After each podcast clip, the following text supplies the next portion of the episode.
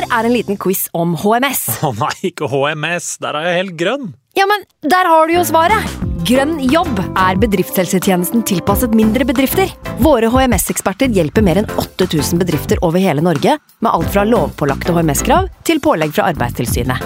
Få på plass bedriftshelsetjeneste på grønnjobb.no. Hallo? Jeg kommer fra Oslo politikammer. Ine Jansen er purk. Er du purk? The motherfucking bitch. Alt jeg vil, er å finne ut hva som skjedde med mannen min. Jon Carew. Er jeg sikta for noe? Iben Akeli. Det er du. Ole So, Lars Berrum og Big Daddy Karsten. Hvem sin side er du på, egentlig? Anette Hoff, Tone Danielsen, Kommer du fra Afrika? Jørnis Josef, Nesten. Kløfta. Trond Espen Seim, Det er synd å si det, men det var feil mann som døde. Purk. Premiere tirsdag på TV2 Play. Nå har vi starta. Fantasy. God evening.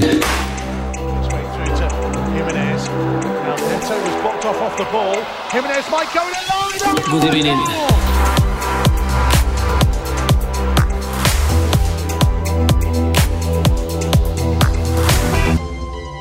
Hei, og velkommen til en ny episode med Fantasyrådet. Mitt navn er Franco, og jeg sitter her med mine to freaks and geeks. Simen, hei. Og Sondre. Hello. Hei, hei, hei. hei, hei, hei, hei. Eh, vi hopper rett på runden som gikk, uh, Simen. Hvem, kan- hvem kan seile foruten vind?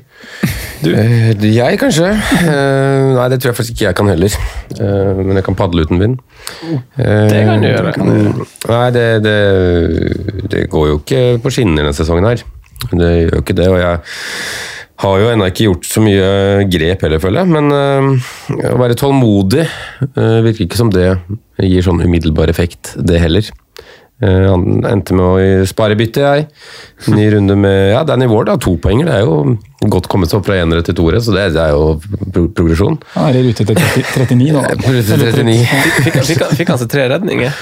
Ja, det må ha vært det, for det var jo femmer Han fikk sju redninger, men eh, fem skåringer bak seg, og det kunne jo nesten bare blitt flere også. Kjør deg, så, mm, så ikke bra at det er på det er liksom return på Nico Williams, Gross, Mitrovic, Haaland. Det er, liksom, det er, det er syltynt, da. Det er en eh, femmer bak som eh, Ja, hva skal man gjøre? Mange har jo agert, dere har jo agert, som jeg kommer senere på, men eh, jeg, jeg føler også at det wildcard-laget blir det så jævla mye bedre. Vi kommer tilbake. Det føles jævla mye bedre. Det gjør kanskje det? Ja, det var deilig. Jeg har satt opp noen draft, men altså, jeg, jeg, jeg vil jo ikke si at jeg føler meg så veldig mye bedre det heller. Jeg glemte å ta det innledningsvis. Jeg skulle ta det her, gutta, for jeg satt på, på båten på vei hit i dag. Og så fikk vi eh, Før vi snakker om wildcardene våre, Sondre For vi har jo Jeg tatt båt til, båt til studio, Det jeg. går greit med den, da. Kjører egen båt. Hvor er du parkerer? Er det nede på Jeg har plass på Aker Brygge, ja. Ja, ja. Og så spankulerer jeg opp på Jeg blir plukka opp. Kjører vel ja. Men eh, Anders Bremnes han skrev til oss på Instagram. Eh, ikke på min Instagram, som er på vår Fantasyrådet Instagram skriver han har hørt Fantasyrådet hver eneste gameweek i fem år nå, men greier fortsatt ikke å forstå hva i alle dager dere sier i vignetten. Bodø vil inn! Bolly-Bolin! Ball-in-Bolin! Bo-! Hva er det dere sier?! og, så, og så svarte jeg bare sånn helt i starten, der han Simen sier 'nå har vi starta'. Men det er jo ikke det, for han lurer jo på Det, vi, det, det som var svaret, er jo der eh, Unai Emery sier 'good evening'. Ja. Bodø vil inn. den, den er fin. Der er har vi starta. Der, der har vi starta. Den, den, den er ganske flink. Vignetten er vel fortsatt noe av det mest uprofesjonelle kanskje vi har gjort. Ja, nei, Vi gjorde jo en endring, da, men uh, Ja. Den første, der har vi starta For er jo, der, der har vi ikke tatt opp lyd i studio engang. der har vi starta på telefon. mobil. Ja, ja. Men første... Men da var det jo sånn du satt og spilte inn hjemme, var det ikke det? Måtte bare ha noen kjappe Jo, lydfiler til den som lagde det. for vi skulle var det- jo ha første episoden uka etter eller noe sånt. Ja, og da var det den legendariske avslutningsvignetten som kommer etter podkasten. Ja. Hvor du har den derre Takk for at du hørte på Fantasyrådet. Ja, det hadde Du kan finne oss også på andre plattformer som Snapchat, Instagram Ja. og Facebook. Heldigvis har det blitt varmere bak mikrofonen da, enn enn den tid. Ja, Ja, fytti det kan man katta. si. Det er Men jeg liker den vignetten vi har nå. Det er jo øh, Felix Ademola her på huset som har banka sammen den for oss. Ja, den en er helt King Kong, men den første vi hadde, da vi, for da la vi ut Finn-annonse. Gjorde vi ikke det? Og så var det Soundcloud-dude som ordna den til oss. Det er jo karakteristisk, da. Burde jo bruke den på Patrion-episodene, Sondre. Faktisk, kanskje vi skal gjøre det. Litt vintage-knapp. Det kan vi få til. Men eh, jeg og du, Sondre, vi aktiverte wildcard, men det klart følte jeg at de som hørte på forrige uke, kanskje klarte å forstå at vi eh, skulle gjøre. Det var jo en midtukerunde også forrige uke, og vi snakka jo om det. Vi hadde en fin episode på Patrion om wildcardet vårt, Sondre, eh, imellom de to rundene, men vi lufta det jo allerede for ei uke siden da vi satt her før Vi gjorde. Og Vi, vi snakka også litt varme på det, vel. Mm. Det ble veldig eh, i wildcard-baner i løpet av den forrige mandagsepisoden, så det var jo Jeg gjorde jo ikke noe bytter som på en måte jeg, jeg, når man wildcarder, så liker man jo kanskje å ha En ting er at man liker å ha god tid. Eh, Den, den uka her, så etter, når wildcard ble aktivert på, på tirsdagskveld, var det vel, så hadde jeg litt mindre tid enn hva jeg liker å ha på et wildcard. I og med at man eh, ikke hadde en hel uke. Men eh, jeg var heller ikke der at jeg gjorde to bytter inn i midtukerunden som liksom Nå forbereder jeg meg på et wildcard. Jeg satte inn Pascal Gross og Rodrigo, som egentlig to var, var to langsiktige valg. Eh, Så var det kanskje den Rodrigo-skaden som jeg da fikk eh, 20 minutter ut i kampen eller noe sånt da, mot, mot Brighton, som gjorde det at eh, nei, fuck it, nå Det var eh, tungen på vektskåla, liksom. Da, da aktiverer vi. Mm. For i tillegg til det så hadde jeg jo som vi har snakka om, og flere kviser i laget som man mm, følte man måtte få ut. Og når man så Liverpool mot Newcastle, så ble jo ikke akkurat eh, ideen av wildcard noe mindre fristende. Eh, men i hovedårsak så var det liksom Ward Iversen ville gjøre noe med keeperstablinga mi. Eh, Robertsen, som jeg har vært veldig skuffa over hele sesongen, vil jeg få ut. Eh, Rodrigo, da, som jeg satte på før Brighton, som ble skada, var en del av trigginga. Og så død spiss og flere fristende spisser som jeg ville, ville gjøre noe med.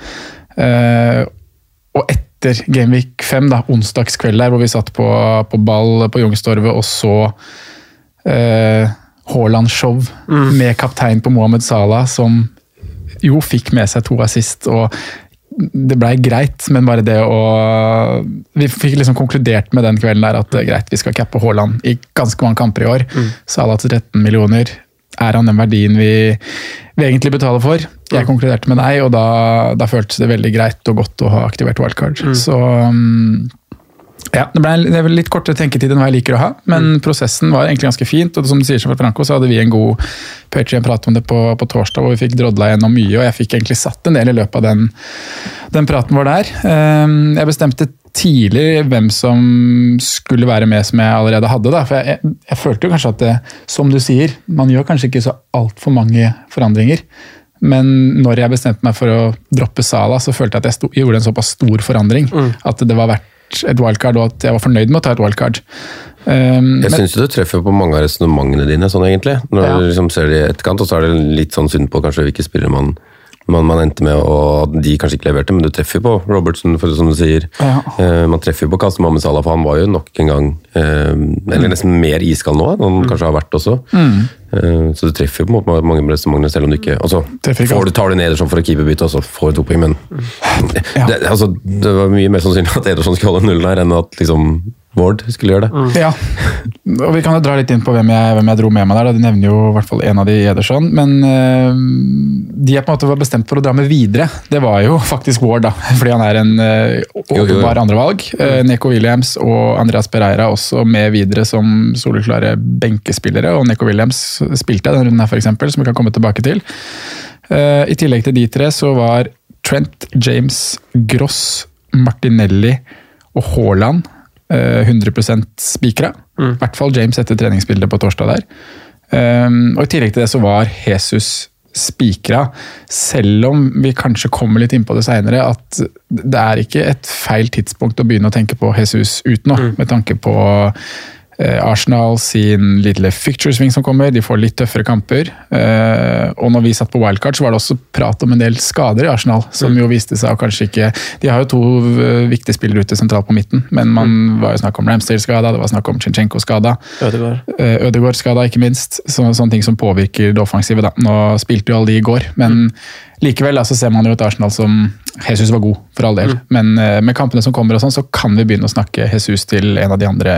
Ikke fordi Jesus er dårlig, men fordi alternativene kanskje er bedre. Ikke sant? Du har billige alternativer som leverer veldig veldig bra nå. Eh, men ja, med de spikra så var det liksom seks nye mann som måtte inn. Jeg måtte få meg en keeper. Uh, Da velger jeg, som Simen sier, å gå for Ederson. Um, Pope var jo egentlig den jeg som jeg også annonserte på den Patreon-episoden på torsdag, Franco, at Pope vil jeg ha, og jeg vil doble Newcastle bak. Um, Newcastle kommer inn i et kjempefint kampprogram nå. De har, eh, de har sett veldig gode ut bakover. De hadde en veldig god innspurt på fjorårssesongen defensivt. og Jeg tror de kommer til å holde masse clean sheets. I tillegg så slipper de til mye skudd, men de kommer ofte fra 20 og ut. Og det, i Pope, eh, det er jo ren Pope-stil fra Burnley-tida, så vi vet at det kommer til å bli masse savepoeng. Men grunnen til at jeg velger Enerson, det, det koker rett og slett ned til at jeg ville ha en City-dekning.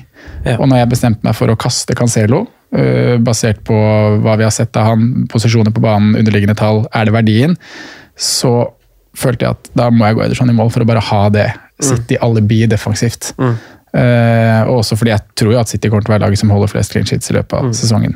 Så da ble det Ederson i mål. Tungt å droppe Pope, men sånn er det. Jeg dro med meg Trippier, som egentlig var satt hele veien. eh, basert på det samme som jeg nevnte med Pope der. Fictionsen er nydelig. Eh, han også en spiller som har et høyt offensivt poten- potensial, og det underbygger han jo i helgas kamp. Han har, eh, jeg vet at mye av det er cornere, men han skaper seks sjanser, har 15 innlegg. En expected goal involvement på 0,63. Eh, Så jeg er veldig fornøyd med å ha fått med meg Trippier til den prisen på, på wildcard. Um, inn i forsvar kom også Fofana, det er jo en sånn fremtidsmann.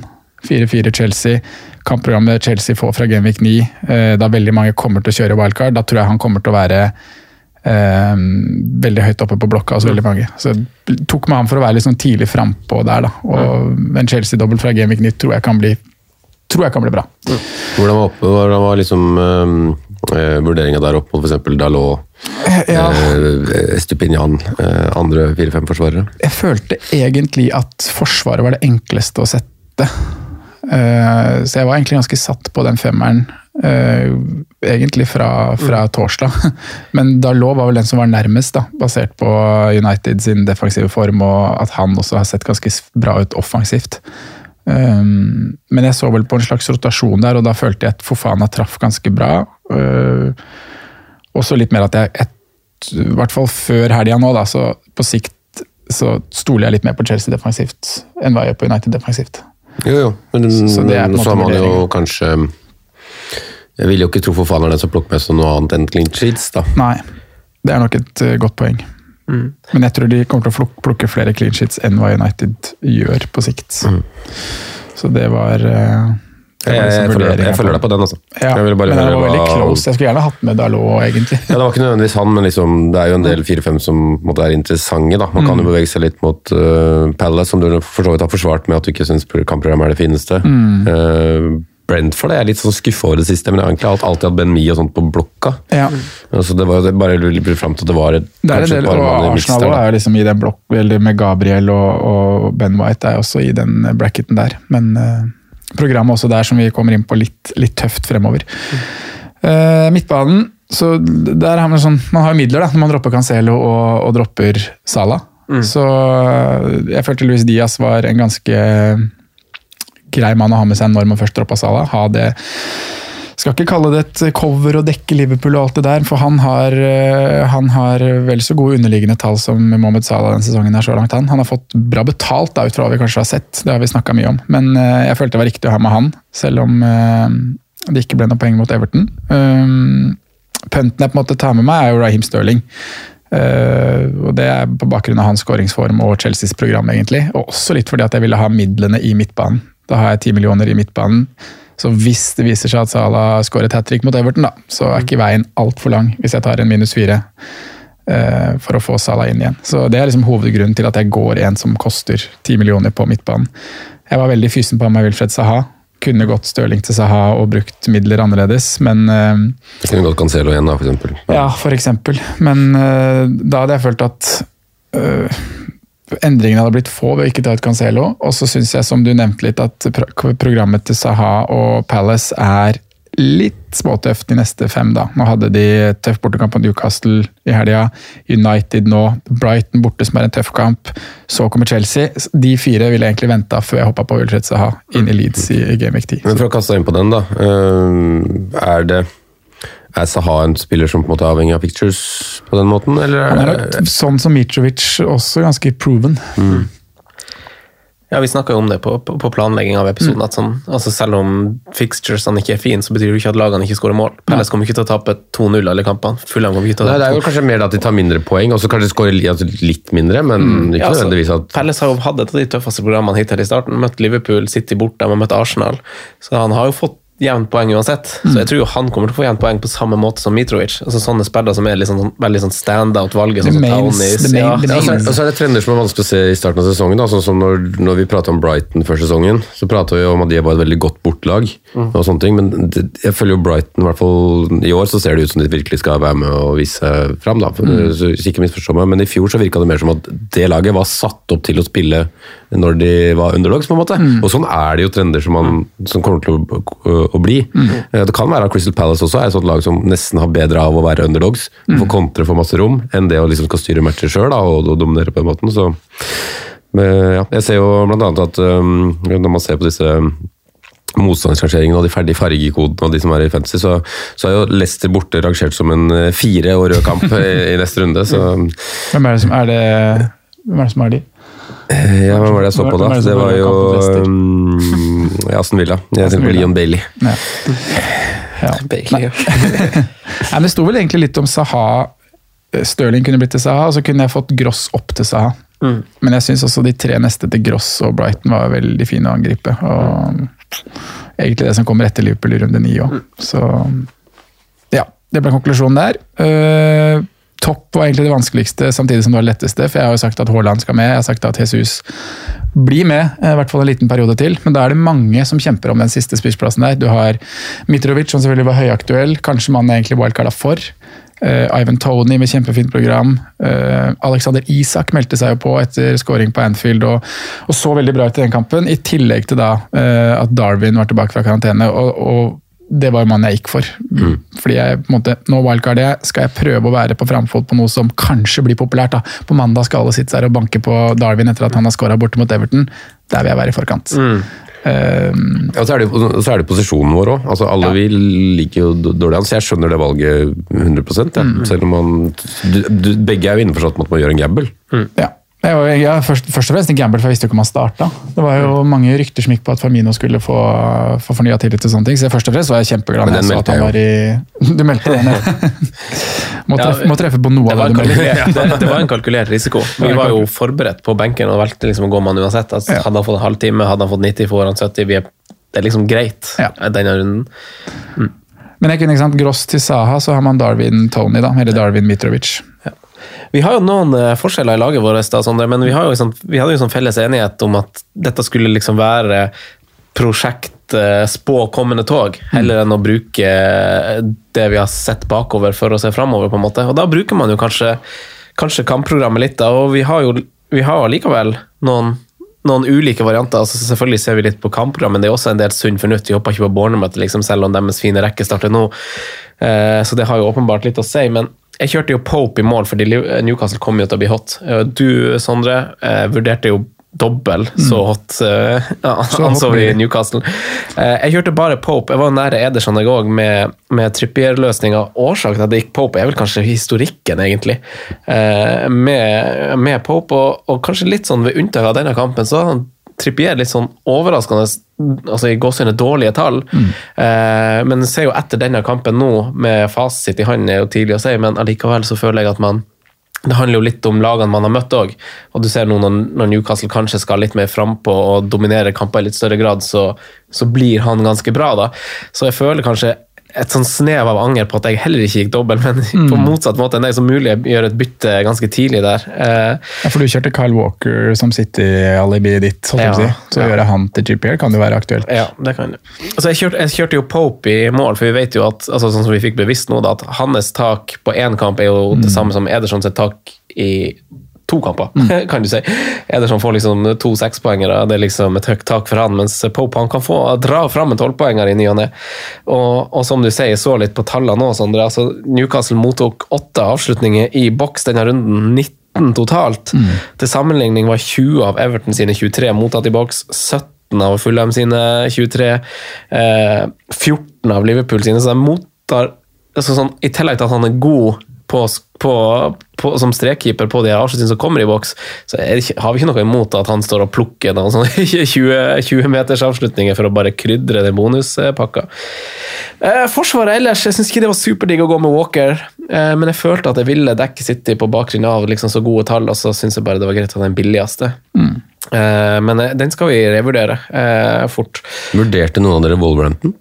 Eller er det kampprogrammet som bare Nei, Jeg, skal, jeg kan si til deg hvem jeg vurderte utover det, basert på liksom egen Altså, jeg hadde Trent, Reece var ganske klink, det samme var Neko, og så vurderte jeg Gabriel, Dalot, eh, og så vurderte jeg Brighton. Det var litt skummelt å gå uten Brighton basert Ja. på de neste rundene, for jeg vet at veldig mange Jeg tok jo ut Sanchez i mål, f.eks.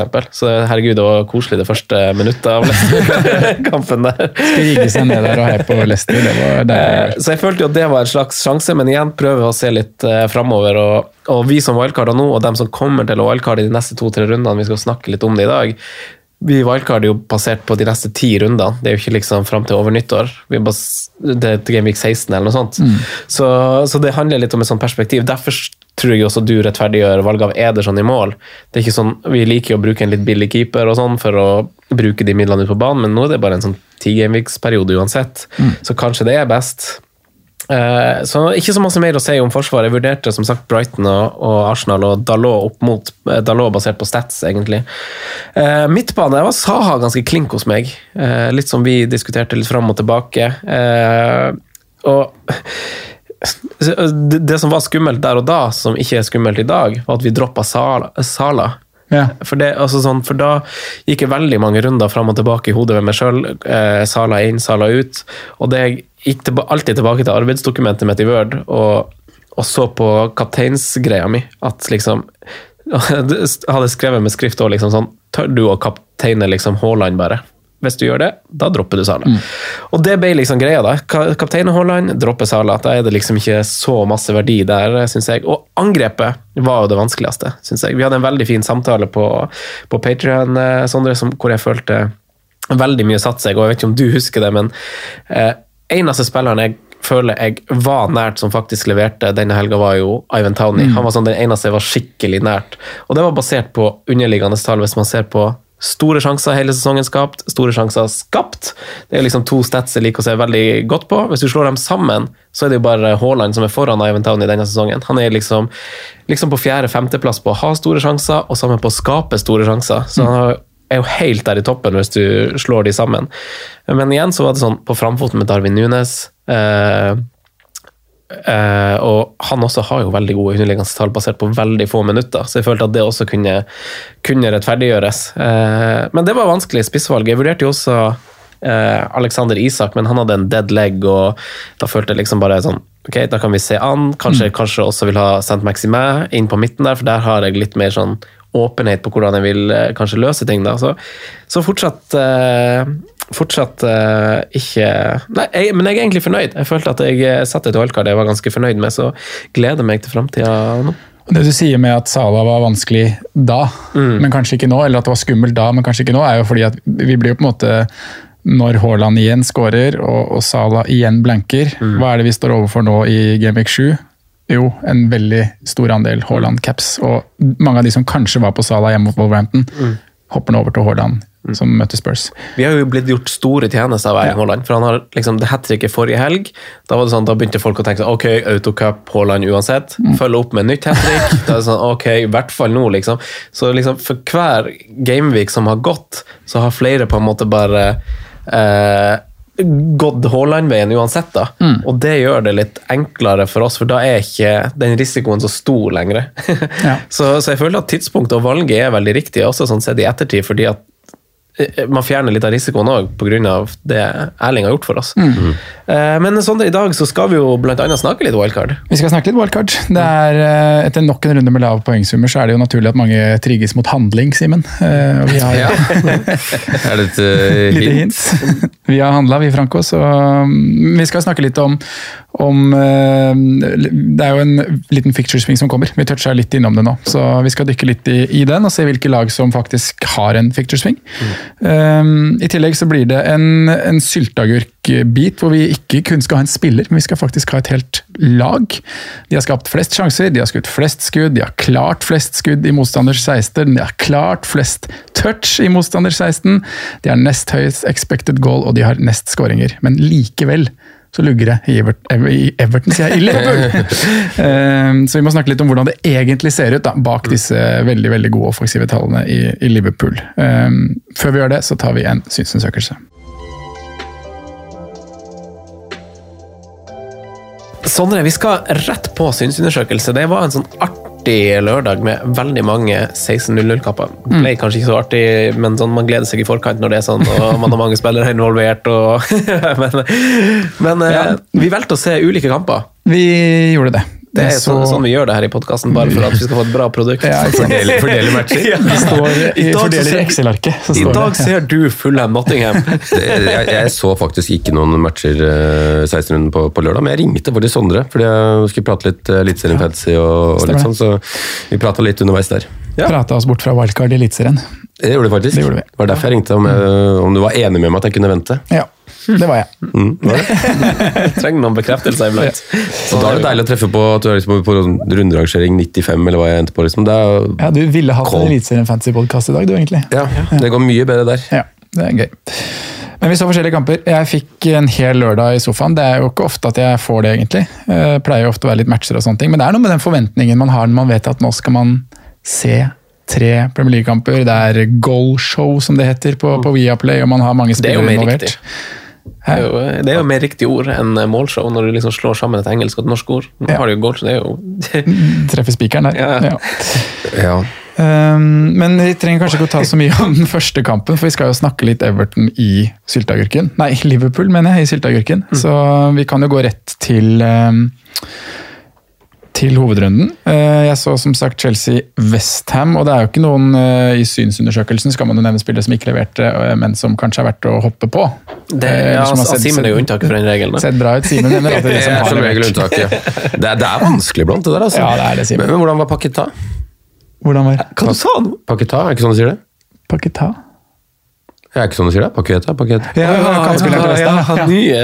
Men er det, det er sånn du sier det? jo, men jeg hang ikke på det. Nei, jeg hadde lagt litt mer trykk på U-en, bare for å være Ja. sikker på at jeg meg forstått, tror jeg. Men jeg, jeg aner ikke. Jeg mener jeg har hørt det av alle kommentatorer, men Ja, ja, Ja. det kan godt Ja, være. ja, det, de treffer. Men jeg, jeg, altså, så de som hører på oss, vet jo at jeg ikke er verdensmester på navn. da. I hvert fall ikke når det er den, uh, i de nasjonene der. Ja, men når vi har sittet her så lenge over tid og gjentar navn og navn, og får av og til sånn drypp av folk bli som- enig. Skal, skal vi si Paketa eller Pakueta? Jeg. Lucas Tol- Tolentino. Plutselig, Det er jo alltid noen som i ny og ne er det noen som har klaget på en uttale. Så det får, man gjør at man får sånn oppheng, man begynner å tenke over det, over det som er naturlig. Ja. Noen, noen, altså sånn, jeg tok meg selv i å si sånn Av og til sier jeg Cancelo, noen ganger sier jeg Cancelo. Og det er sånn, fordi jeg tror noen har fortalt meg at sånn sies det, så da henger det liksom Da husker du ikke hvem av de som er riktig. ja, ja, ja. Så jeg blir bare forvirra av all inputen.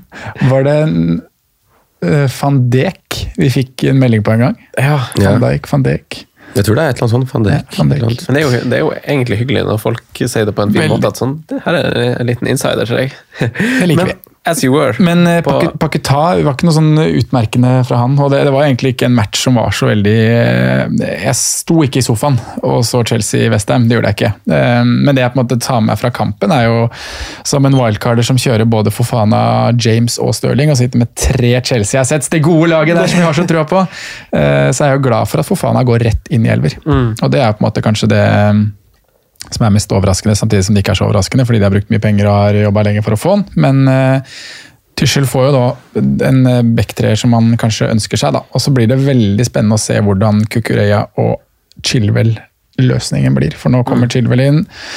Scoring er sist. Trenger jo, han har jo knapt spilt i år og har 22 poeng eller noe sånt. To tolvpoengere, hvis jeg ikke tar helt feil. Eh, Ja, altså han er jo også altså Jeg vurderte han jo aldri, men da jeg gjorde det samme arbeidsdokumentet i, i, med tanke på det wildcardet mitt, og skrev på offensivt gode forsvarere og bare summerte opp med Trent Reece, Neko, Gabriel Dalot, så er jo Cresswell også der. Han er jo liksom Ja. en av dem som skiller seg litt ut. med Men det, det er jo Du har jo noen i dødballene, da. Men ja. Eh, Stirling eh, litt eh, av og på, og egentlig den Stirling som man pleier å se noen ganger. Så ikke noe sånn nevneverdig og ikke sånn superpositivt før han skal til London og møte Fulham borte, altså. Jeg må si det. Så det kan nok hende bare blir en to weeks punt, selv om programmet snur veldig i ni. Der da det får superfint. Så vi får, den må kartlegges litt mer. Og så er det Aubameyang også, som kanskje plutselig skal inn i her. Ja, det blir også en spennende Man gjør noe grep, da, Tyskjel, med benker Mason Mount og benker Kai Havertz. Kanskje litt overraskende for, for flere. Uh, I Westham syns jeg Bowen hadde en Nå har ikke jeg sett all verdens av Westham tidligere år, men jeg syns han var frisk. Han skapte noe. Var litt pålogga én mot én. Har jo også den annullerte på slutten der som han er involvert i, som vi ikke trenger å utdype noe mer om. Men uh, Nei, egentlig ikke de store, store tingene å hente ut fra den kampen, altså. bortsett fra at uh, Fofana går inn og starter, som gjør at Reece James kommer til å spille mye mye mer høyre wingback enn hva han kanskje har gjort innledningsvis. Jeg titta på, på Palace, eh, eller Newcastle Palace, blir jo riktig å si. Og det, og det er kun fordi at det var de to lagene som jeg vurderte til mest aktuelle eh, å hente spillere fra på wildcard, fordi at de er ferdig med så tøffe kamper. Og spesielt Newcastle, som du antyda i stad, så har Palace litt sånn De er ferdig med det verste, men nå har de liksom altså det nest verste på en altså sånn, De har ikke de diggeste kampene nå, Crystal Palace.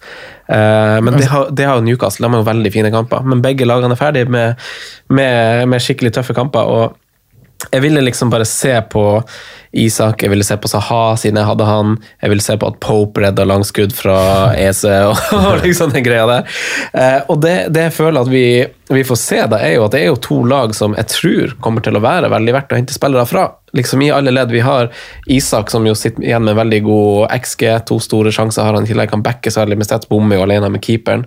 Eh, så han er jo tipper jeg blir høyaktuell for de som er på, på wildcard nå. og så, så vi hadde aktuelt valgkart nå, da, Simen. Nei, Sondre. Hadde vi droppa Darwin Nunes og kjørt Isak, kanskje? Eh, det skal du ikke se bort ifra. Eh, så jeg, jeg vil egentlig liksom bare bekrefte til, til lyttere og til dere at det er to lag dere må vurdere. Det, det, er jo, det er jo vanskelig å gå Isak over Tony etter den helga her òg, er det ikke det? Jo, det er jo det. Og Mitrovic òg, syns jeg. Ja. Så jeg har begge de foran. Men det er var vel det, først og fremst eh, defensivt. Jeg ville involvert meg på samme måte som vi gjorde på wildcard da, i, i Newcastle. De har jo de har noen veldig fine kamper nå, eh, Newcastle. da. Men det har jo spesielt da Fullheim etter de er er unnagjort med Chelsea. Nå kjøper jo Mitro-greia 100 Ja. og, og Townie er jo kanskje på en måte Han har jo hatt fint program nesten hele veien, egentlig. Så, så det handler litt om å, å se framover òg, så det er kanskje et godt poeng. Brentford har liksom fint program hele sesongen, de. Ja, det har kanskje det. Vi liker Brentford. Eh, men da går vi videre til, til sylteagurk, og jeg gleder meg til å høre, høre han Simen sitte her og snakke om Liverpool. Et gjensyn med sylteagurken. Eh, vi har fått et spørsmål fra Erik, eh, Simen. Hva skjer med Klopp og byttene? Er det et tegn på en tropp som ikke er helt i vater? Eh, ukens sylteagurk er jo laget Liverpool. Sondre henviste jo til ganske gode tall her, men det er, noe med når Trent og Robertsen blir bytta ut etter 59 minutter, og, og Sala har to avslutninger i boks og er, forbigått av fire-fem andre Liverpool-spillere på samme tall. Hva, hva, er, hva er dommen? Nei, altså, jeg satt og så kampen mot, mot Everton nå, så eh, de kommer aldri i gang. Altså, det er liksom sånn som har vært symptomatisk nå ganske lenge, at man venter til det første målet blir sluppet inn, så begynner man å agere, og så begynner man kanskje å produsere litt, og så ser man jo bak noen av kampene som har vært i år. Crystal Palace hjemme vinner vi ni av ti ganger, mm. for da produserer det såpass mye, men Eh, selv om det er litt avslutninger og litt store sjanser, så syns jeg det er daft over hele fjøla. Jeg synes ingen jeg synes, Som jeg prata med dere om òg, jeg syns nesten den eneste som får godkjent fram til nå, er liksom Harvey Elliot, som er, vært vår beste spiller, syns jeg. Ehm, det er litt shaky bak. Det er, ehm, det er bekker som skal dekke mye rom. Det er en Fabinho som prøver å holde igjen to indreløpere som øh, flyr litt rundt omkring. Liksom, de får aldri kobla på de der på topp. Mm. Darwin Nunes gjør en, for så vidt en bra et bra løp og en bra forsøk på en avslutning i en match der, men det er jo mer en soloprestasjon enn det at man klarer å koble på. Det er en langball som han timer bra, og så er det nære. Ehm, så, så jeg blir litt sånn øh, Selvsagt så blir man jo frustrert, men så er det jo liksom Symptomatien her er jo situasjonen som har vært fra man begynte å spille i gang her, med at det, er, det ramler på seg med skade, man klarer ikke å skaffe en kontinuitet. Man må spille James Milner, som i teorien skal være tredjevalg på hver bekk og, og kanskje sjette, sjuende og åttende valg på, på sentralen midt.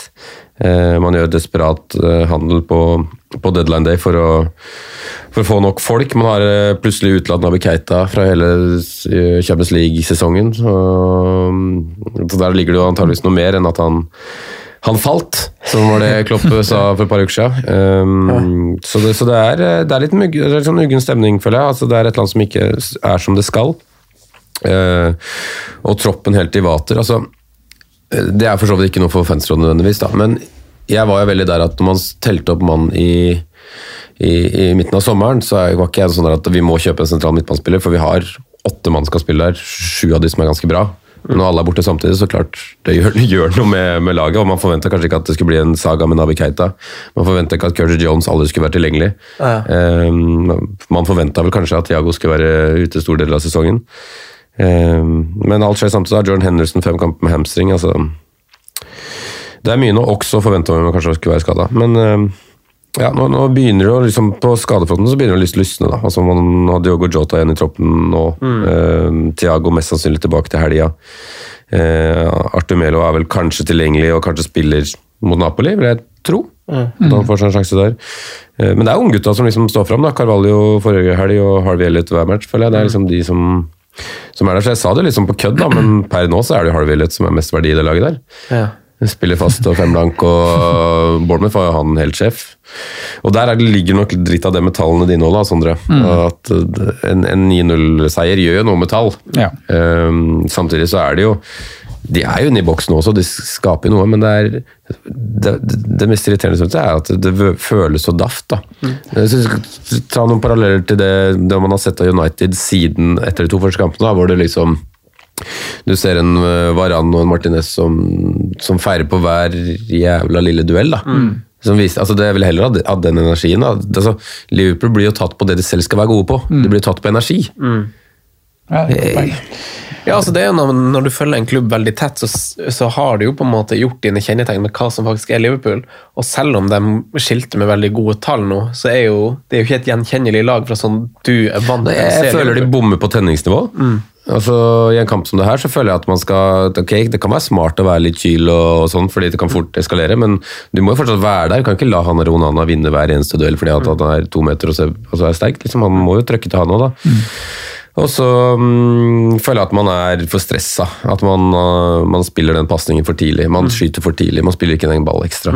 Uh, og der hadde nok det hjulpet med Thiago uh, og den tinga der. Da. Så er det vel for mange spillere som er ute av form samtidig. da. Salah ser ikke bra ut, han er for bred. Det er for så vidt greit. Uh, Darwin Nunes sitt comeback var vel ikke all verden, selv om han er litt frampå noe. Van Dijk ser ikke veldig bra ut. Går med seg for er ikke nok som Matip. Han tar ikke og forserer ledd han og spiller gjennom, så Hvor, hvor lenge er Matip skada? han kommer inn nå. Eh, Så han er nok tilgjengelig, vil jeg tro, fra nå. Han er kul, i hvert fall. Han er kul, i hvert fall. Men, men bekymringa rundt, rundt Sala, da, som hvis vi skal vri det over i uh, Fantasyrådet-praten her, Simen. Uh, Sala, nå, altså, Sondre nevnte det jo innledningsvis, Liverpool hadde jo 20 avslutninger i boks nå. Sala står for to av de. Det er jo Altså, det er jo Han ville nesten ha stått for 18 av de, hvis det hadde vært eh, forrige sesong, eller i hvert fall høsten forrige sesong. Eh, det var ikke, han var jo litt sånn off deler av våren òg.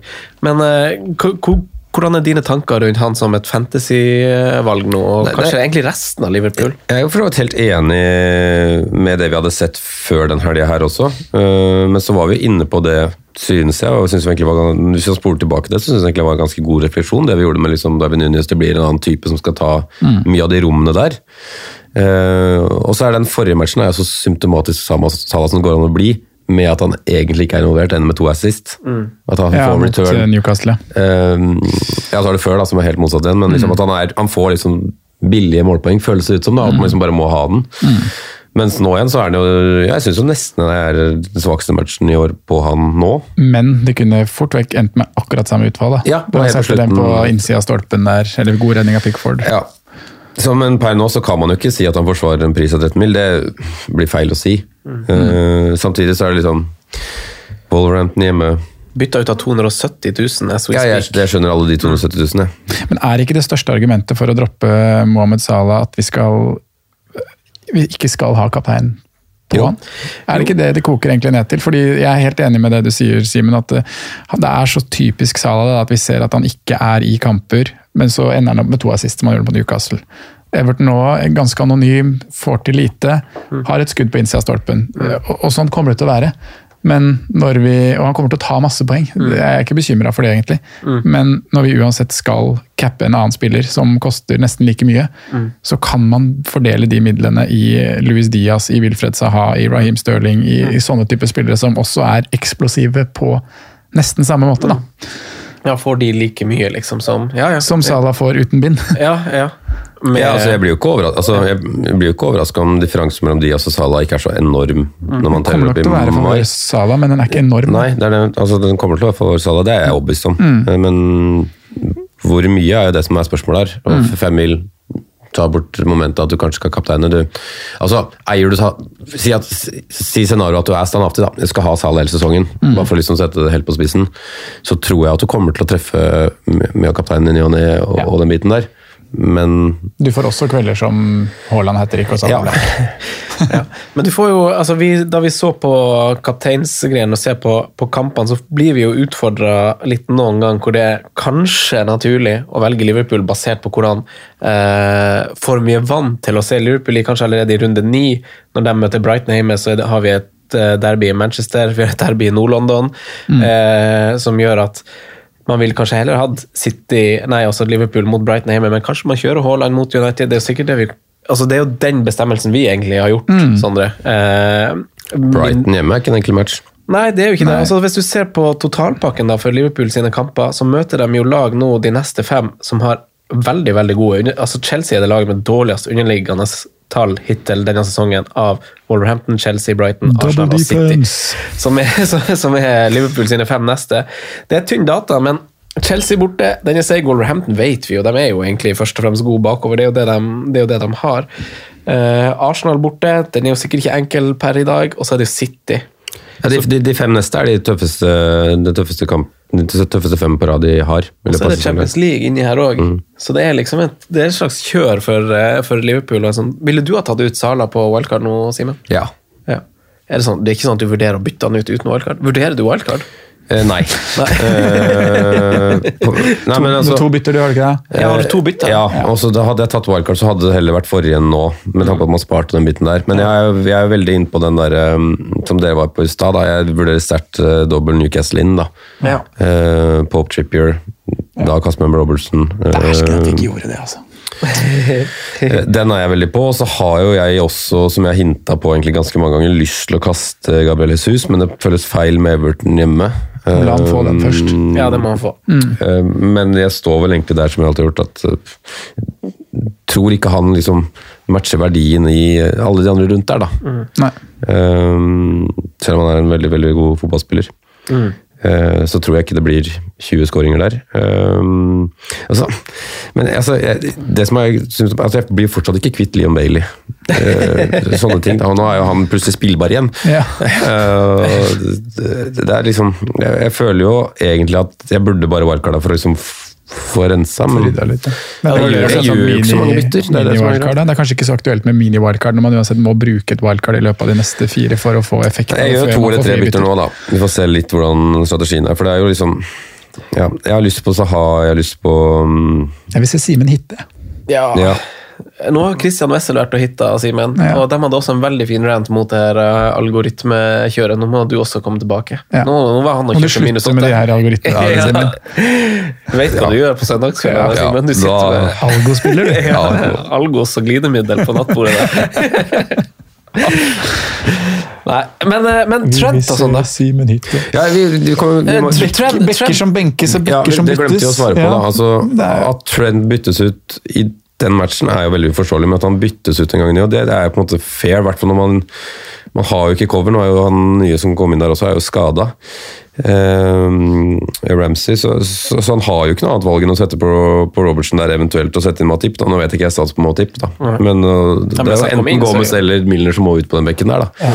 Men jeg synes det er rart å gjøre det i en 0-0-kamp i en kamp vi sliter med å komme til de store sjansene. da. Hvor liksom Enig. Trent er nøkkelen ofte. Um, Det da, var jo samme mot Newcastle òg. Han ble tatt av eh, 70, og da var det også 1-1. Han var ikke så happy da. Ja.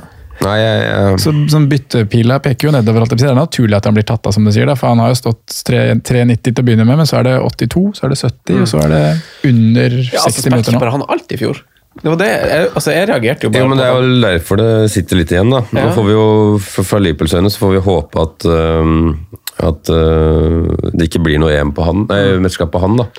Uh, for det kan jo fortsatt veldig fort bli, med tanke på den sagaen som har gått der. og og den biten der, Men det er jo en måte å få han i hvile, så han kanskje kan spille resten av sesongen etter. Det er jo, hadde jo vært gull. Ja, det hadde vært gull.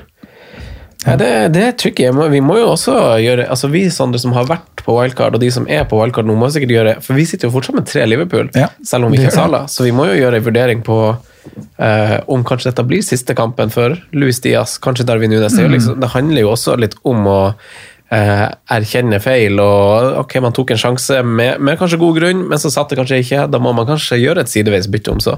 Men når jeg satt og så, hvis vi bare snakker litt om Darwin, da, for du, var inne på at man ikke fikk kobla han på, og det syns jeg var den største liksom, mangelen hos Liverpool i første omgang, og sikkert det samme som Klopp ser, og derfor han bytter på Firmino, men man klarte liksom ikke å finne en kobling mellom angrepstrioen, som du sier, og spesielt da Darwin Nunes og midtbanen. Og han er jo en helt annen spilletyper enn det Firmino var, som har spilt der de, de første fem, eh, eller mesteparten av de første fem. Lå veldig mye på, på motsatt stopper. eh, få av de bevegelsene som han skaper den største sjansen på, det er jo en sånn bevegelse inn bak. Og det stolpeskudd-greia hans. Det er Ja, kanskje den- den største sjanse, men det, ja. Jo, det er den største sjansen han får. Ja. Det, det er jo egentlig en veldig god enkeltmannsprestasjon, som du sier, Simen, men det er også et løp i bakrom, da. Mm. og det hadde han lite av. Han var veldig lite i bevegelse, syns jeg. Um, og tvinger jo Hans råskap er jo selvfølgelig boksen, hodespiller, sterk i duellspillet, eh, god avslutter. Så det tvinger jo Liverpool til å, å komme mye rundt og få lagt mye legg.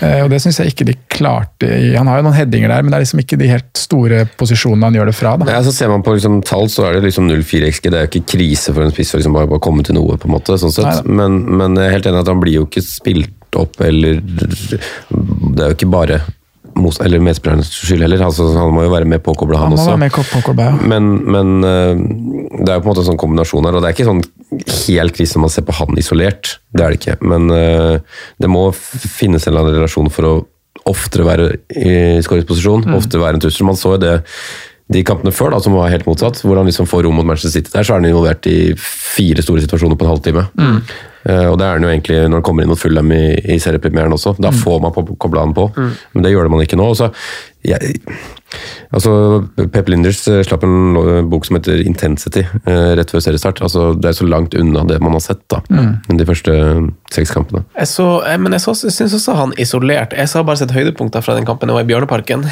men, Ja, du ser jo noen tendenser der. ja, Altså, for jeg synes jo liksom Hvis han er litt i dytten da, og har litt flyt, så er jo en del av de posisjonene han, Selv om det ikke er sånn stor sjanseavslutninger, så er det sånn hvis du er litt sånn i flyten, og ting går litt din vei, så syns jeg han var i noen posisjoner, har noen avslutninger sånn, Det kunne fort ha gått i mål hvis du hadde på en måte hvis det, ting hadde gått Liverpool sin vei, da, og det gjør det jo bare noen ganger, og det kommer sikkert på et eller annet tidspunkt til å snu. Så jeg ble egentlig litt sånn oppmuntra av det han kanskje isolert sett Nå så jeg bare høydepunktet, jeg så ikke liksom, men sånn, bare da jeg så liksom avslutningene, så var det sånn Å ja, du var liksom så nær et par anledninger. Det fikk ikke jeg inntrykk av. Nei. Det er interessant, jeg, for jeg satt jo liksom med første gangen der at han kan fort bli tatt av til pause, følte jeg. Oh, yes. Men så fikk han den eh, i bakrom, tar den på kassa, banker ned tverrleggeren. Etter det våkna han litt. Og da, det, det trengte han kanskje, da. Hvis vi går videre da til å snakke om eh, Vi har jo snakka om ficturesvingen som da Newcastle, Bournemouth, Palace og kanskje Forrest spesielt har hatt, eh, Sandre, som gjorde at vi kanskje følte at vi kunne sette i gang et wildcard. Jeg Mm. husker jo vi snakka tidligere om at vi skulle sette i gang et wildcard i den første landslagspausen vi får etter runde åtte. Mm. Da får vi en landslagspause. Det vil være veldig mange som kjører wildcard da. Men det er også én ting. Men da er f.eks. Arsenal er jo ferdig med et, et veldig fint run. Det samme er Liverpool. Det er veldig mange sånne der, der man har kjørt en trio eller en dobbel eller sånn at man, kan, man, man kommer til å se til å dempe akkurat den litt, og hoppe på andre spillere. Eh, hvem, eh, hva tenker du om wildcard nå? Når føler du at man skal liksom gå og gnukke og vente på det wildcardet til man er der, eller er det greit å bare fyre, fyre løs? Nei, jeg har jo fyrt, så jeg må jo bare si at det er greit å fyre løs. Vi Eh, Men det er jo-. Ja, det er litt avhengig av hvor mange bytter man har, og hvilke kviser man har, og litt sånne type Hvor går ting. grensa? Ting, Hvor masse minus er det verdt hvis du eventuelt bare skal kjøre wildcard om i runde åtte eller ni, da? Som jeg tror Altså, jeg, jeg vil, det vil jo være et råd herfra at liksom du kjører wildcardet innen, eh, innen runde ni, da. Ja, det fra, synes jeg fra mellom sju, åt- sju, åtte eller ni. Det er runde sju i nå, sant? Så Det er, kjører du det For, sju nå. for du vil jo ha en effekt av wildcard òg. Du vil ikke bare liksom For du får frie bytter under VM, så du vil ikke bare bruke det to runder før, og så Kjedelig bruker wildcard i 14, og så er det fribytter igjen i Mm. 17. Men selvfølgelig, går, er laget ditt bra og du går på skinner, så ikke bruk wildcard bare for å bruke wildcard, men du kan også bruke det for å komme i forkant, da, som vi prøver å snakke om nå. ja. Men øh, Men er det verdt istedenfor å kjøre minus 8, minus tolv? ja, da vil jeg wildcard, da. Ja. Det gjorde jeg jo forrige runde. Jeg gjorde jo bare seks Med seks tanke på at vi har et nytt wildcard igjen ganske som altfor lenge, så ville jeg nok unngått minus åtte. ja, samme. Men øhm, det ha, har jo vist seg, spesielt i fjor, da, at liksom, å være trigger-happy og, og ta minus på kan lønne seg, det òg. Altså. Så det er liksom ikke noe fasit på det, men jeg, det er sånn jeg ville tenkt nå, i hvert fall. Å være tålmodig har vi liksom fått et svar på nå, det er ikke veien å gå. For det har vi jo prøvd å være litt. I hvert fall har jeg følt det personlig, da, at jeg har vært vil se han en runde til, vil gi Liverpool en kamp til.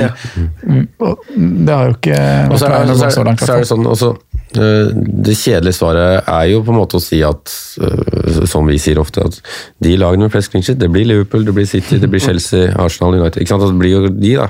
Og jeg, jeg står jo fortsatt der. Jeg tror jo fortsatt det når vi teller opp, men det, jeg skjønner jo frustrasjonen når det liksom blir enere, enere, enere. Når du har en, jeg har jo samme rekka sjøl. Altså, jeg har jo Cancelo, Trent, Robertson, James. Det er jo ikke poeng. Um, Nico Williams tar vel like mye som resterende gjengen der, så ja. Men du står likevel veldig fint med Trent og Wolves, eller Trent og Robbo hjemme mot Wolves på, på lørdag. Ja, Vi får se litt hva lagoppstillinga blir i, i, mot, mot Napoli, da. Eh, I forhold til de bekkene der. Men jeg ser jo liksom ikke for meg at man tør å rotere seg vekk og skal liksom gi fra seg potensielt trepoenger i, i første runde i Champions League heller, da. Nei. Nei, andre lag å kikke til. Vi har også, vi har også titta på, på Chelsea. da. Åpenbart så kommer de til å bli populære på wildcard. Akkurat ferdig med Liverpool, og så hadde Crystal Palace, Wolverhampton, Villa, Brentford. Eh, men samtidig der også er det jo litt sånn er et litt rart lag å forholde seg til. Mason Mount blir benka, Havertz blir benka, det er kanskje greit, han vil hjem og spille Fortnite og sånn, men det er sånn Det er jo det, Er han gamer? Hæ? Er han gamer? Er ikke de fleste det? Nei, ja, men jeg, men jeg, tror, jeg tror han er litt sånn fyr. Eh, men eh, det er jo eh, flere Ja. lag det, det, også, det også snur litt, for jeg skal prøve å snu litt på, på tracken min her. For fra runde ni så møter jo Arsenal møter jo Tottenham, Liverpool, og så Leeds borte, og så City som sine fire kamper. Og da er vi tilbake der, Sondre, på For du har snakka om det her Jesus-kasseret, og nå fikk du liksom, du fikk dryppa det litt inn her i stad. Eh, men da må man gjøre litt sånn tøff, tøffere valg, og det gjør man kanskje på wildcard allerede nå. Litt Ja. sånn som vi valgte å, derfor- droppe Brighton bak, f.eks. Vi droppa Sala. Cancelo droppa vi. Eh, Cancelo droppa vi. Cancelo, tror jeg det uttales. Kan, ja, riktig. Sorry. Cancelo. Men, eh, men, eh, men det, man må gjøre noen sånne avgjørelser. I hvert fall hvis man wildcarder nå, så, du, så må du på en måte kanskje ta en litt større sjanse enn når det gode programmet faktisk er et faktum. For vi wildcarder nå når Brighton for eksempel, fortsatt har noen fine kamper igjen, droppa det mot Leicester hjemme, for eksempel, bak der. Eh, du kjørte jo Grossa, det er jo ikke jeg. Men, eh, men eh, droppe Jesus, jeg har gjort det på wildcard nå.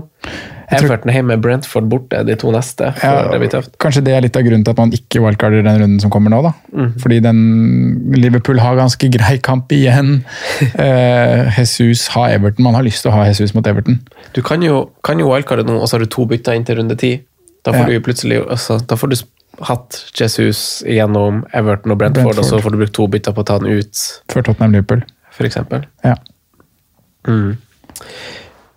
Nei? Jeg, jeg, jeg, jeg, Leicester får fine kamper fra runde ni.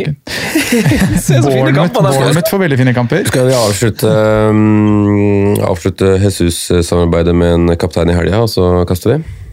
Ja.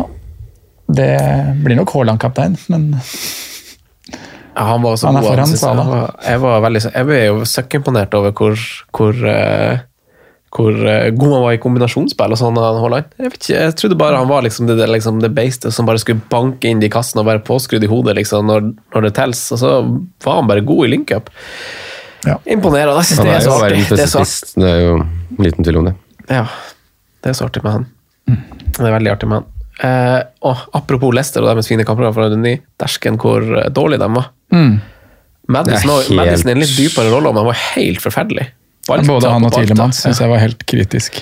Men seil sånne prestasjoner litt eh, om eh, the state of the club, på en måte? Altså sånn der, For det, det er jo Ja, ja. masse sånn der, Det er jo masse ABC-feil de gjør, som vi har sett dem klare å mestre Mm. sesong etter sesong. Si det litt om bare sånn der Nå går bare alt galt i Ja, men altså, altså Vi prata om de, og den, den tar vi på vår kappe. Vi bom, skivebom på, på Leicester, Eh, det, det er greit. greit. men, Ja, men, det er det jo for de fleste. men når du ser den troppen de starta sommeren med, det er jo det vi går tilbake til. Den var jo, det er jo, var jo god. Eh, men, men som du sier, State of the Club, altså, de gjør jo ingenting for å backe Brennan Rodgers her, i den situasjonen han er i nå. De mister jo spillere til spillere, stjernespillere. De, de, de skulle jo fylle på før de også mister det her. Må jo fylle på med nye spillere. Altså En klubb som Leicester må jo ta De må gjøre sånn som Westham. De må ta en sjanse eller to på spillere som resten ikke plukker opp. Så må de satse på at det blir Riyad Mahrez, at det blir en Golo Kanté. Men de gjør jo ingenting, og så mister og mister og mister. Det laget der faller jo helt sammen hvis det ikke gjøres noe der snart. Er det, er, det, er det andre lag dere vil se til, eller ikke se til? Som dere har notert? Altså, Vi har jo snakka om Pelles, Chelsea og Newcastle. og Newcastle. Så har jeg notert Brentford og Fulham. eh, Kjempefine program. Fulham det har vi vært inne på med Mitrovic, og Brentford har vi jo sagt at har et fint program hele året. så det er jo... Fulham er fint- Fulham er fint å snakke om, for det er veldig naturlig fra Det er, det er kanskje en veldig naturlig swap på Jesus. Inn med Mitro.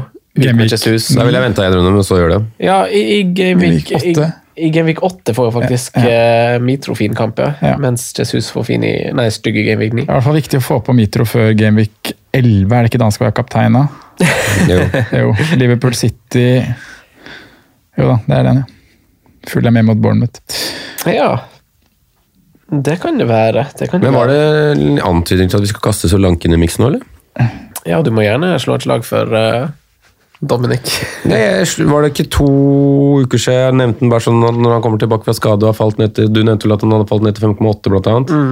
Eh, Bournemouth kommer jo til å skåre mål, selv om vi tror de havner lenger ned. Nå har de faktisk tatt med seg to seire òg, på de seks første. Ja, det- Eh, Ja, altså Tapene de har hatt, er jo bare, det er jo stygge tall, men de har tapt oppskriften. Er det ikke Liverpool, Arsenal og City de har tapt mot der, da?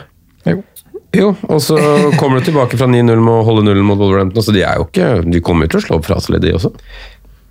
Slo Villa 2-0 i serieåpningen. da. Tipper ti kasser på Solanke. Nå er han 5,7, faktisk. Han har sunket etter at han uh, herja mot uh, Villa, har fine, Villa, Villa har også fine kamper fra runde åtte. Ja. Bailey. ja. da kosta han 3,9. Inn med Bailey. Ja. Nei, det er noen muligheter her, da. Men den største grunnen til wildcard er jo fordi vi ser den swingen i de topplagene, som du sier. da. Arsenal, Liverpool, City og vi kan jo dra inn Tottenham i det òg. Alle de fire lagene får tøffere kampprogram, i tillegg til at de skal spille Europa. Så det kommer til å bli ja, det er tøffere kamper å spille i ligaen, i tillegg til at det er mer slitasje på troppen. Og selvfølgelig blir det mer rotasjon. United har jo liksom bare, Ja. de har bare sånn der De har bare sånn patcher med tøffe kamper. Jeg føler ikke at jeg noen gang kunne sagt at Det var jo en grunn til at jeg droppa Dalon. og Det var litt sånn der, det var sånn humpete. Jeg klarte ikke helt å se logikken i når jeg skulle bruke den. Liksom. det var litt sånn, der, hvor, skal, hvor skal jeg kjøre inn Dalot, liksom? Og jeg føler det samme nå. For de har liksom Leeds hjemme, fin kamp i runde åtte. City borte, Everton borte, Newcastle hjemme. Ja, altså Tottenham, Chelsea, Westham. Fire tøffe, egentlig. Litt sånn rar, rare kamper. Jeg plages med å ta stilling til. Ja. Eh, Men, men man må jo selvfølgelig nevne Rashford. Må man ikke det, da? Helt klart. Og Sancho syns jeg. Rashford er jo åpenbar fordi han koster jo, koster jo ingenting. Men ehm, Nei, jeg syns begge de to er nyervervelsen uh, Antony også. Kommer inn og skårer mål, som kommer til å bli verdi på et tidspunkt, vil jeg tro. I tillegg til at Bruno Fernandes ser veldig veldig pålogga ut, syns jeg. Mm. Syns han var god i går. Apropos energi og som du snakka om at Liverpool mangler. da. Se på Fernandes. Det er kruttønne som virkelig går foran. Mm. Det er som fansen elsker og motstanderen hater. Ja. For han går og whiner som han så, egentlig. Men han er jo bare, han er jo Ja, bare det, så vinnerskalle. det er jævlig viktig at klubbene har den der. da. Og at de har den der en som, som står fram som alltid altså Du husker Bane Rooney? Alltid hakka på dommeren og styrte og ordna og kjefta og smella. og Det er jo viktig å ha de, selv om det ser jo for, Slitsomt å forholde seg til. Ja, Når du ikke liker motstanderklubben, så syns du det er dritt, og sånn, men du må jo ha de der. Det kommer, det er kommet litt flere sånne drittsekker nå, det er litt artig. Ja, der, der har kanskje Arsenal for mangla noe en del år. da, Kanskje unntak av Granit Xhaka, som faktisk står der. og Han ble jo faktisk mislikt en periode også av egne der, da, og slår litt tilbake. Men jeg liker jo sånne typer, da. Som er i, Må jo være helt jævlig å møte dem Jeg er enig. Eh, da går vi videre til eh, perrongen vår. Og så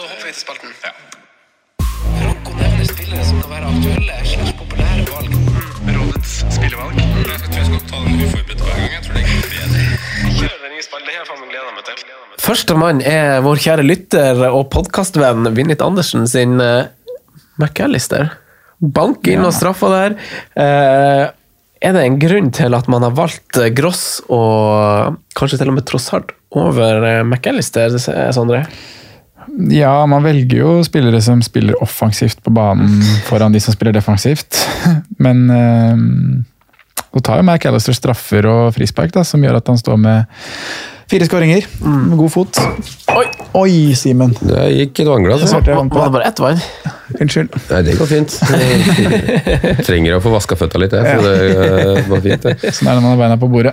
Nei, altså, Det er jo en spiller som har fått øh, mye ut fra på en måte, som du sier, da, utgangsposisjon og sånne ting. da. Og, men samtidig, altså, se den kula han uh, druser i det helga.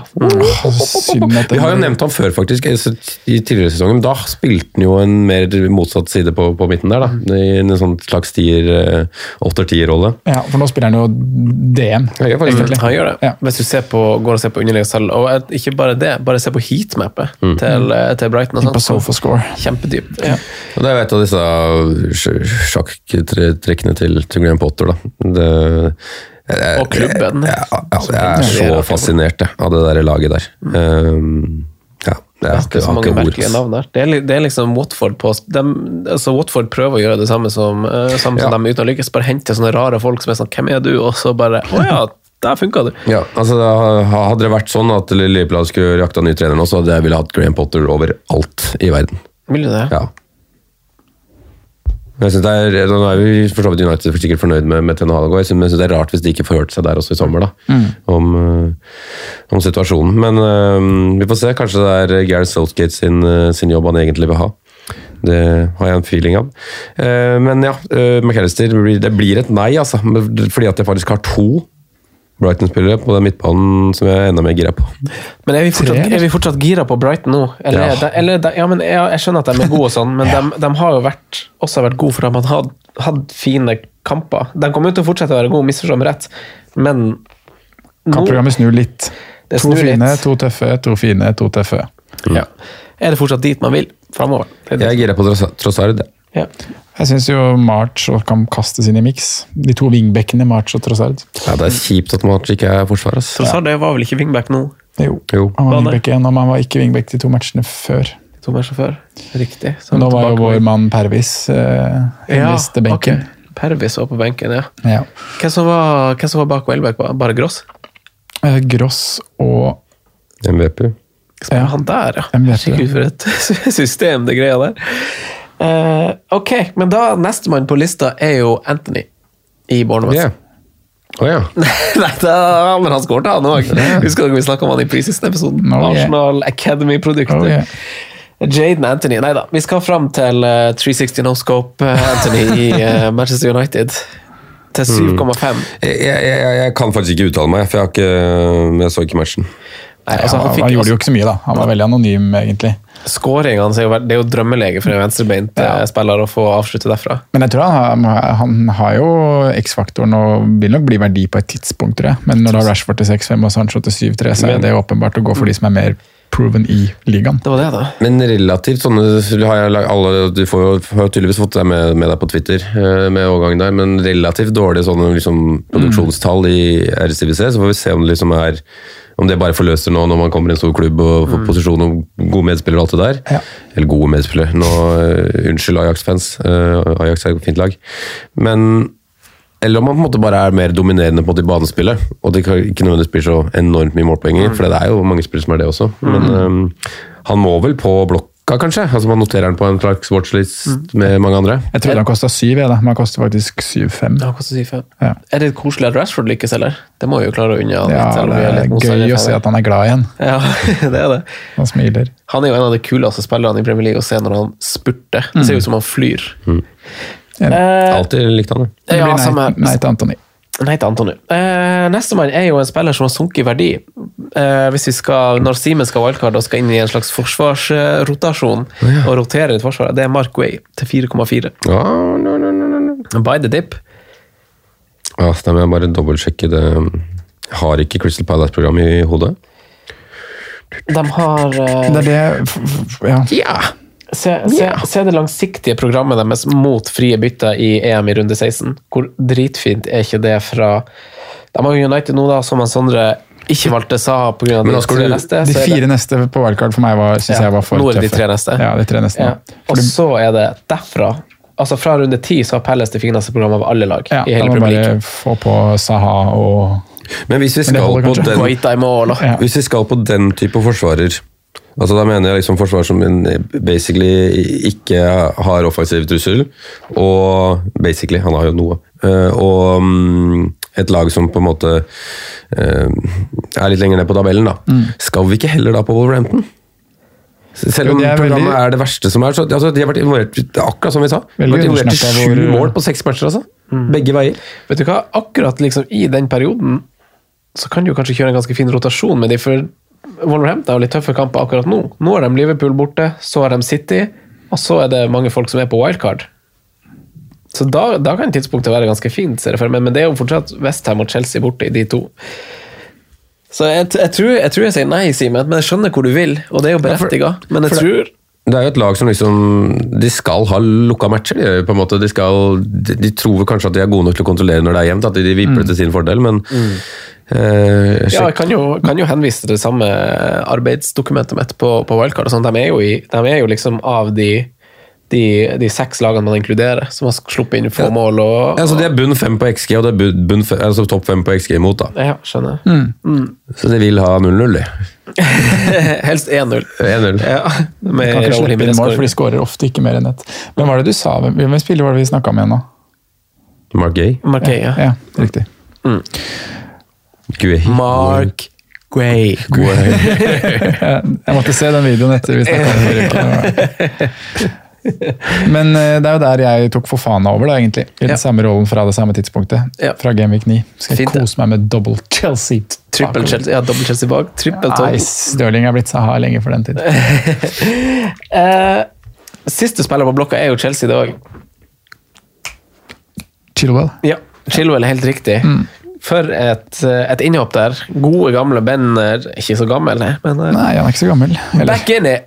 back in it. Uh. Nei, han må spille, spille mer eh, fast, selv han trenger jo ikke det egentlig, da. Men uh, jeg vil se det i hvert fall. før Ett poeng mindre enn James, han.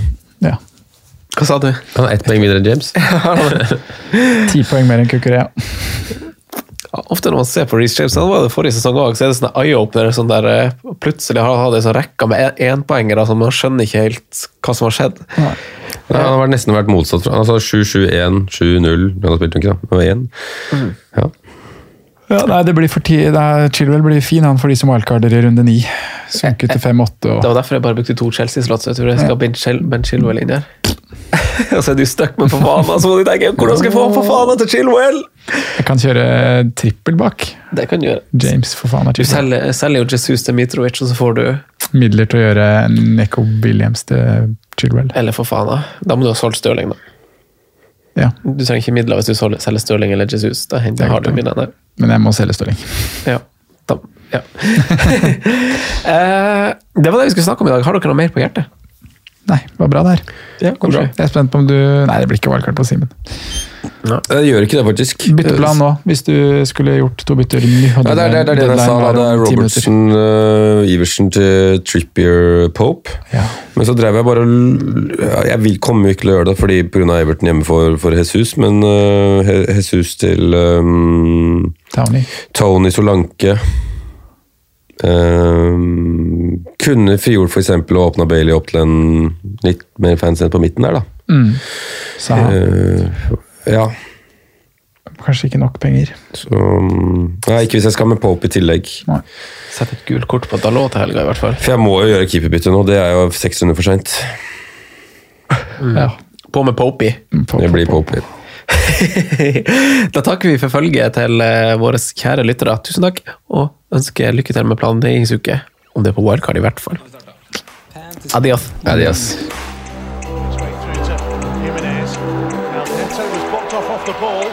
There's Mike going along.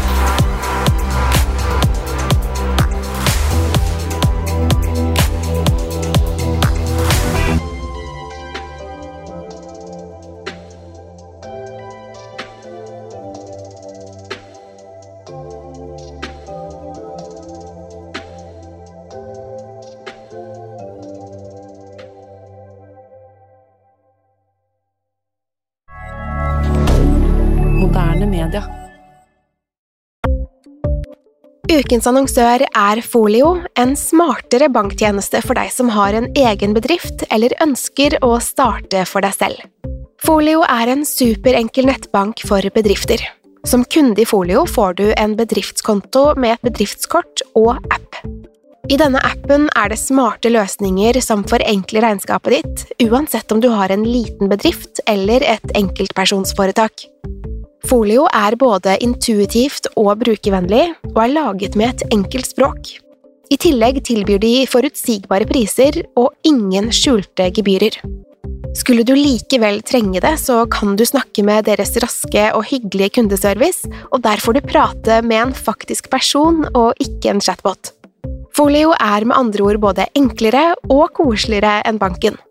Over 10 000 bedrifter har allerede valgt Folio som sin banktjeneste, så besøk folio.no og se hvordan Folio kan forenkle din hverdag også. Har du et enkeltpersonforetak eller en liten bedrift? Da er du sikkert lei av å høre meg snakke om hvor enkelt det er med kvitteringer og bilag i fiken, så vi eh, gir oss her, vi. Fordi vi liker enkelt. Fiken superenkelt regnskap.